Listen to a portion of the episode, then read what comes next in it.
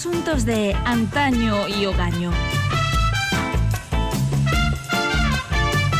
Un espacio sobre historias de la moda, reflexiones costumbristas y momentos de inadvertida felicidad. Adereza Edurne Baz.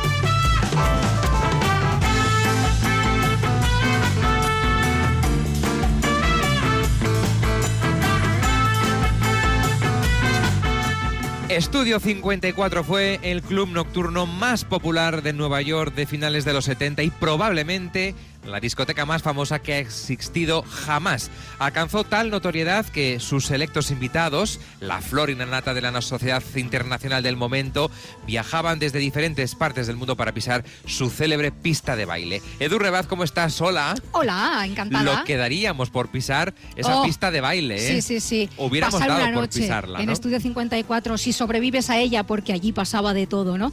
En sus 33 meses de efímera vida, este emblemático local tuvo tiempo de hacer historia, morir de éxito y convertirse en el mito e icono de la cultura popular que sigue siendo. Nos adentramos en el templo de la música disco, el sexo libre y las drogas recreativas. Hoy, en Asuntos de Antaño y bailamos bajo la icónica y centelleante bola de espejos de Estudio 54.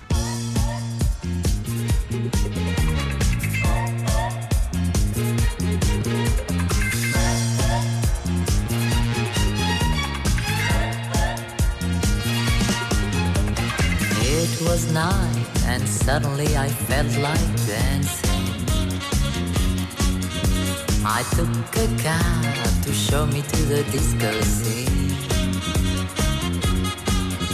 He said, okay, you wanna see those crazy people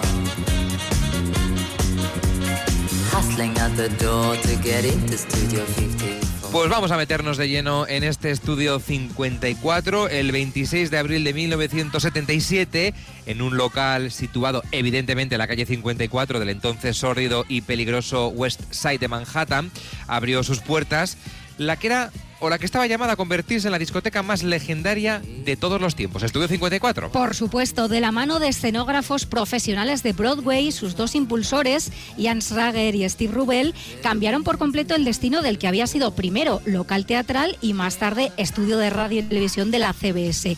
Socios y buenos amigos desde sus años en la universidad, el discreto y cerebral Ian y el extrovertido y carismático Steve ya habían puesto en marcha otro exitoso local de ocio en Queens y se sentían preparados para pasar al siguiente nivel. No pudieron encontrar mejor aliada que Carmen Dialesio, imbatible relaciones públicas que les puso en contacto con los grandes nombres de la élite social y cultural neoyorquina y europea.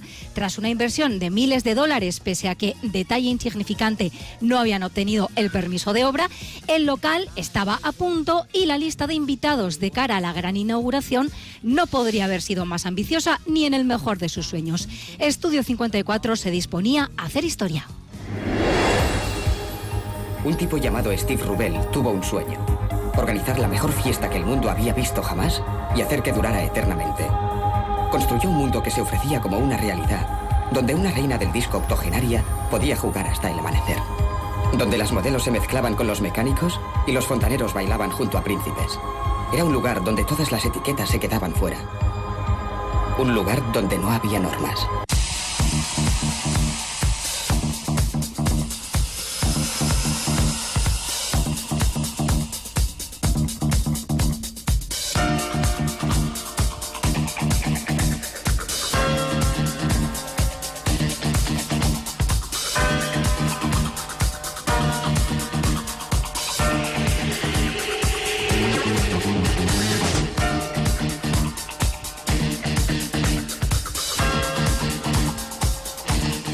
Duda la expectación en torno a la inauguración de Estudio 54 estaba más que justificada. ¿eh? Fíjense, resultaba eh, difícil no prestar atención pues, a un local que congregó en aquella primera noche a celebridades de todo tipo. Eh, Edurne, ¿quiénes se pasearon y se desinhibieron en este local?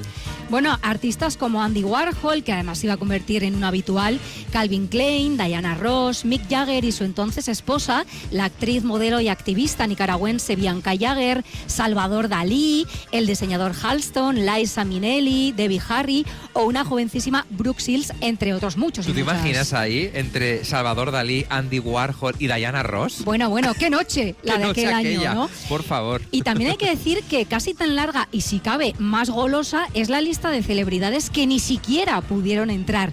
Hablamos, cuidado, de máximas autoridades como el mismísimo Frank Sinatra, que estaba enfurruñado en un coche ahí porque no podía entrar, el actor Warren Beatty o el director Woody Allen. Y es que el restringido acceso a Estudio 54 se convirtió en una de sus más notables señas de identidad, al tiempo que también en una de sus mejores herramientas de marketing.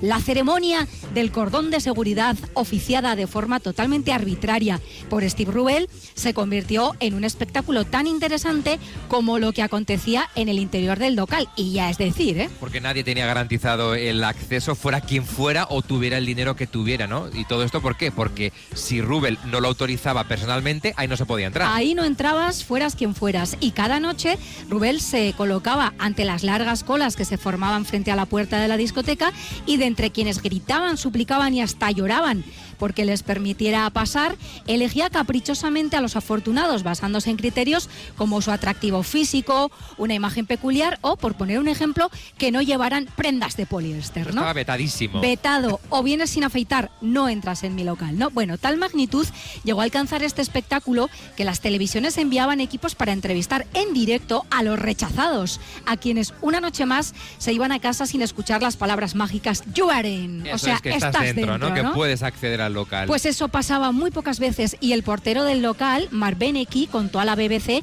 que en un momento dado se llegaron incluso a vender mapas que pretendían mostrar cómo acceder a la discoteca desde el sistema de túneles del metro. Cuenta la leyenda que incluso hubo una persona que murió en un conducto de aire mientras intentaba colarse en el local. Se dice asimismo que los propietarios de Estudio 54 pagaban a su portero más que a cualquier otro trabajador para evitar que se sintiera tentado por los sobornos O sea, tal- de quienes querían entrar. Tal era el furor de querer acceder a Estudio 54 que la gente estaba dispuesta a todo, desde todo. sobornos hasta intentar comprar un mapa para acceder por los eh, túneles de ventilación, ¿no? Sí, sí, y además cabe mencionar también como curiosidad que de entre los elegidos algunos pagaban muchísimo dinero y otros entraban gratis. Por citar un ejemplo, Mick Jagger y Keith Richards entraban gratis, pero el resto de los Stones tenían que pagar. Esto era así, era todo arbitrario, ¿no? Y por supuesto, no solo se permitía, aunque lo parezca, el paso a personas VIP o a celebridades. A Steve Rubel le gustaba mezclar toda clase de perfiles, edades y circunstancias en lo que él llamaba su ensalada. Como describió certeramente Andy Warhol, Estudio 54 era una dictadura en la puerta y una democracia en la pista de baile.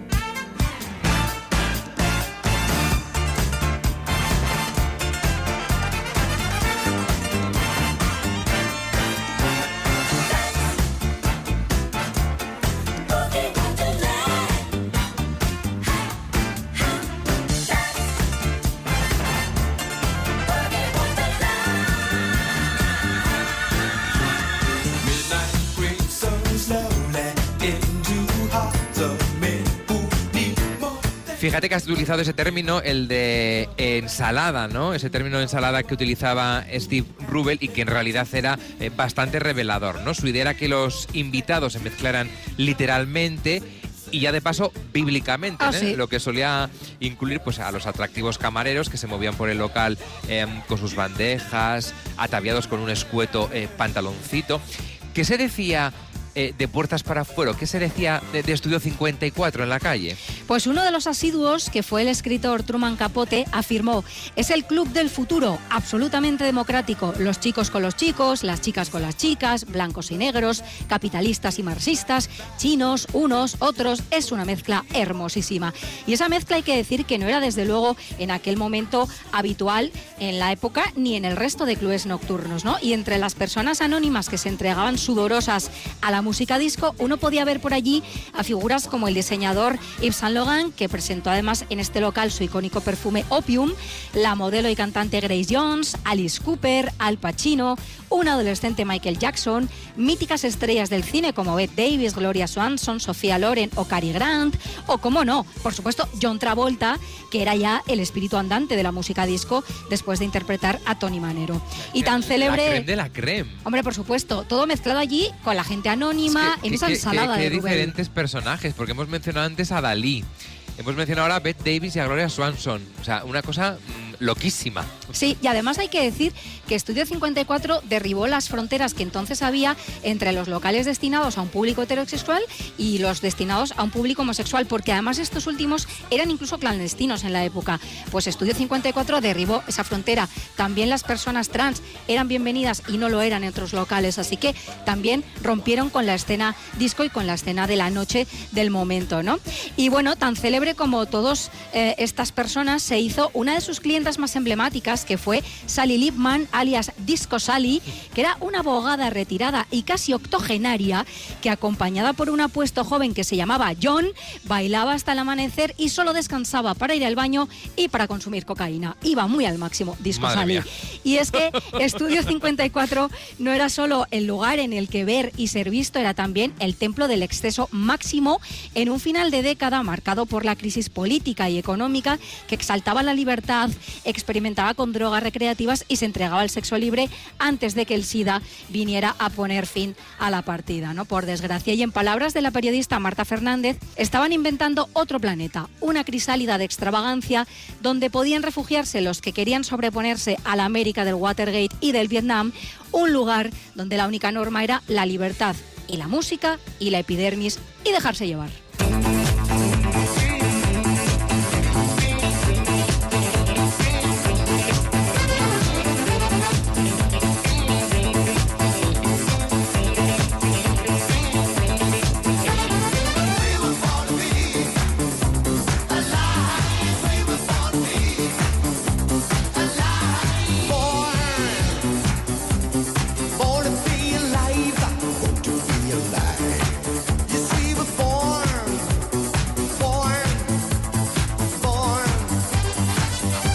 Pues sí, ya estamos esbozando cómo era este estudio 54, un poco arbitrario en la forma de acceder a ella, muy democrático en su interior, donde todo el mundo era igual, no se hacía ningún tipo de, discriminación y en efecto la única norma en este estudio 54 era precisamente eso, que no había normas, ¿no? Todo estaba permitido en el interior de aquellos muros, no había prejuicios y tampoco había juicios. Eh, ¿Se podía ser libre? ¿O se debía ser libre en Estudio 54? Bueno, todo ello. Desde luego uno podía ser quien quisiera ser en el interior de Estudio 54. Era como se afirma en el documental que lleva precisamente este título, Estudio 54, y que se estrenó en 2018, un parque de atracciones para adultos. Era la meca del hedonismo más exacerbado. La galería y los palcos del antiguo teatro eh, se habían conservado y se hicieron célebres por los frecuentes encuentros sexuales que se sucedían en ellos. Había gente enrollándose en los baños, por supuesto, como pasa en cualquier discoteca, pero es que ocurriendo. en Estudio 54 se enrollaban fuera, directamente, ¿no? En la galería, ahí, en los asientos. Solo diré, sin entrar en detalles innecesarios, que la zona estaba cubierta de goma, con el fin de poder limpiarla con mayor facilidad después de cada velada, porque, en fin, los fluidos humanos pues acababan Pues allí, sudores y demás fluidos, ¿no? Y el propio Steve Rubel se paseaba por el local envuelto en un enorme abrigo con los bolsillos llenos de drogas para que cariños nos falte de nada, ¿no? Un poco el espíritu era ese. Eso sería impensable ahora mismo, este estudio no, no, por 54, supuesto, ¿eh? por supuesto. Sería totalmente Es impensable hijo de una etapa muy concreta de la historia. Claro, finales de los 70, ya nos hemos puesto en contexto, ¿no? Y los invitados, es verdad que se sentían completamente libres, entre otras cosas porque esto también hubiera sido muy distinto ahora, aunque Andy Warhol sí las hacía, las fotografías estaban prohibidas, salvo que los invitados posaran voluntariamente y autorizaran su publicación. Y sorprendentemente, los pocos medios de comunicación que consiguieron acceder a la sala respetaron esta norma y no había smartphones, claro. Es decir, que siempre se dice, lo que pasa en Las Vegas se queda en Las Vegas. No, lo que ocurría en Estudio 54 se quedaba en Estudio 54, en los muros de, esa, de ese local. Sí, y además, bueno, por si acaso, para una, si cabe, mayor intimidad, dentro ya de la máxima intimidad que suponía Estudio 54, estaba el Salón del Sótano, Uy, uy, uy. que era ya lo más exclusivo, ¿no? Dentro de la exclusividad. A él ya accedían solo unos pocos elegidos. Y quién sabe lo que ocurría ahí, si esas paredes hablaran, pues seguramente nos dejarían sin aliento, ¿no? Lo que sí ha trascendido es lo que pasó en las loquísimas y excesivísimas fiestas privadas que se organizaron en Estudio 54.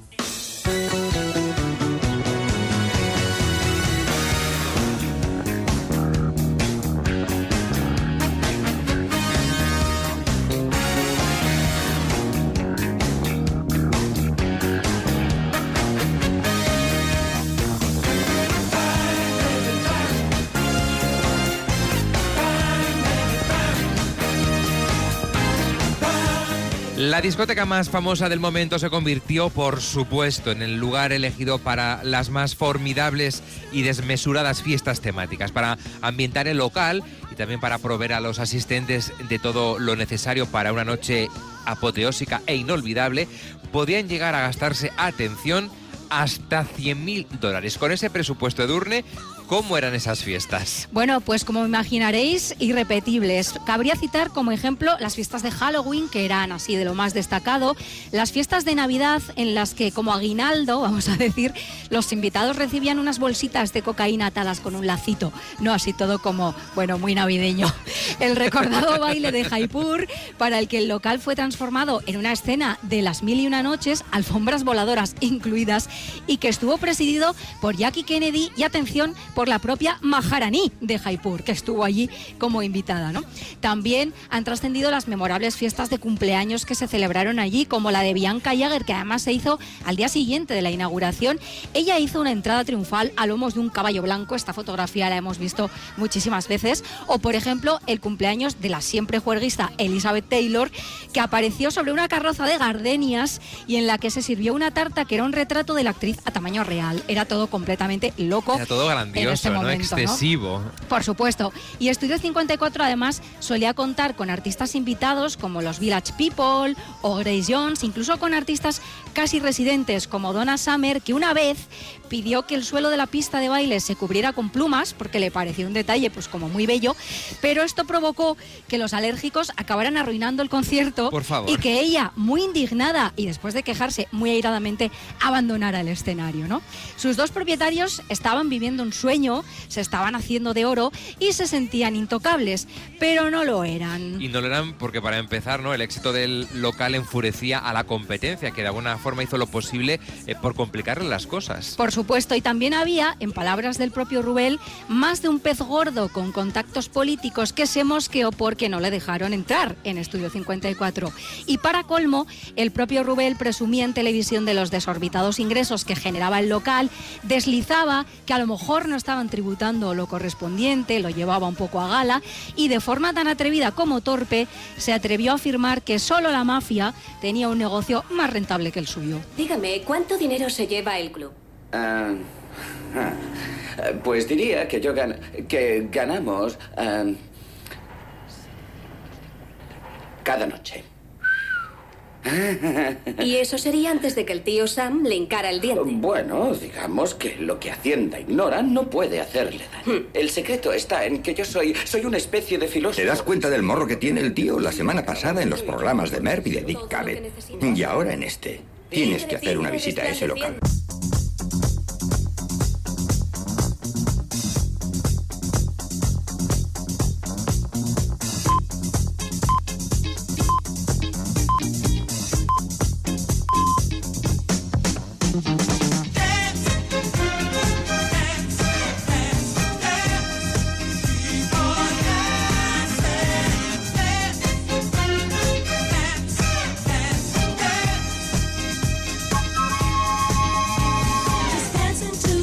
Imagino que la gente se preguntará, ¿no? En este local donde había eh, sexo, alcohol y drogas, cómo es que se mantenía en pie, cómo es que la policía no hacía acto de presencia cuando era conocido lo que ocurría en su interior. Bueno, pues sí, cabe decir que la policía ya se había dejado caer ¿no? por el local en alguna ocasión, pero sobre todo y entre otras cosas, porque claro, no tenían eh, licencia para servir alcohol. No, ya vemos que los obstáculos no eran un problema para los dos socios que no tenían licencia de obra, pero hicieron una gran obra, y que no tenían licencia para servir alcohol, pero por supuesto lo servían. ¿Cómo? Pues ellos, que eran muy resolutivos, solventaron este problema solicitando cada día un permiso temporal de 24 horas para trabajar como empresa de catering. Y así tiraron pues los casi tres años que estuvo abierto Estudio 54. La cosa sí que hay que decir que se puso ya muy seria cuando durante una redada los federales descubrieron alrededor de 600 mil dólares guardados en bolsas de basura escondidas en el falso techo de la oficina del local, además de cocaína y otras drogas que eh, utilizaban para agasajar a sus mejores clientes, también escondidas en el propio club. Y pese a contar, fijaos, con 37 abogados, algunos de ellos verdaderos tiburones como Roy Cohn, asesor legal y mentor de Donald Trump, fueron condenados a tres años y medio de cárcel por evasión de impuestos. Podrían haber sido de condenados efectivamente por otras causas, pero consiguieron con este grupo de abogados que la cosa quedara solo, entre comillas, en evasión de impuestos. Finalmente pasaron solo 15 meses en prisión porque decidieron colaborar con la justicia en la investigación de otros clubes nocturnos a cambio de una rebaja en sus condenas y por supuesto se despidieron a lo grande. ¿Cómo? ¿Cómo fue eso? En febrero de 1980, la noche previa a su ingreso en prisión, organizaron una gran fiesta que bautizaron como el final de la Gomorra moderna y en la que el propio Rubel entonó el My Way con un sombrero fedora ahí al estilo Sinatra. Y en esa fiesta estuvieron, como no, Diana Ross, que también cantó, Jack Nicholson, Richard Gere, Cindy Crawford o Sylvester Stallone, que dicen pagó la última ronda que se sirvió en Estudio 54 en aquella primera etapa, porque hay que decir que el local reabrió sus puertas en varias ocasiones posteriores, pero nunca ya volvió a ser lo mismo y nunca otro local nocturno ha conseguido igualar su éxito. Durante el año y medio que Steve pasó en la cárcel, las cosas cambiaron mucho. Las multinacionales se habían apoderado del mundo de los clubs nocturnos de Nueva York, haciendo lo que hacen las multinacionales, convirtiéndolo todo en algo seguro y aburrido. La libertad había desaparecido.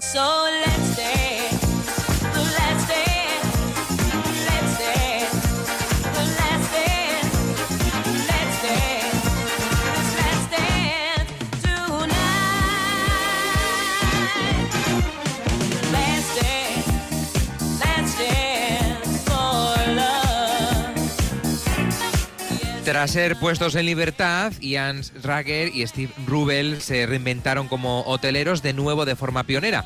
Se les considera creadores del concepto de hotel boutique. Sí, por desgracia, el SIDA se llevó a Rubel poco después, con solo 45 años. Y por su parte, Ian sigue siendo un próspero y respetado empresario al que han llegado a calificar como el Steve Jobs de los hoteles y al que Obama concedió el perdón presidencial en 2018. En apenas tres años de actividad, Estudio 54 consiguió hacer historia con su novedosa, excesiva e inclasificable propuesta. Tan inclasificable que Lillian Carter, madre del expresidente estadounidense, la visitó en una cena de homenaje de UNICEF y no supo cómo describir la experiencia. Pero sus palabras exactas fueron, no sé si he estado en el cielo o en el infierno, pero me lo he pasado bien.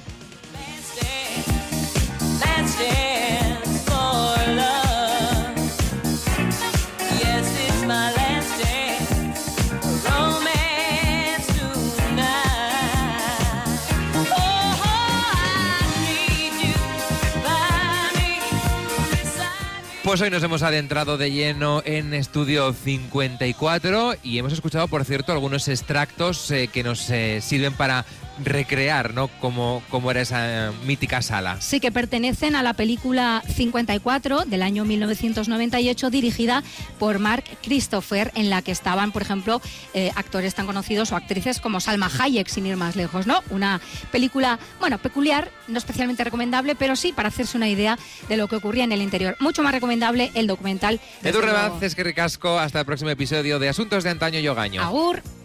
Let's dance.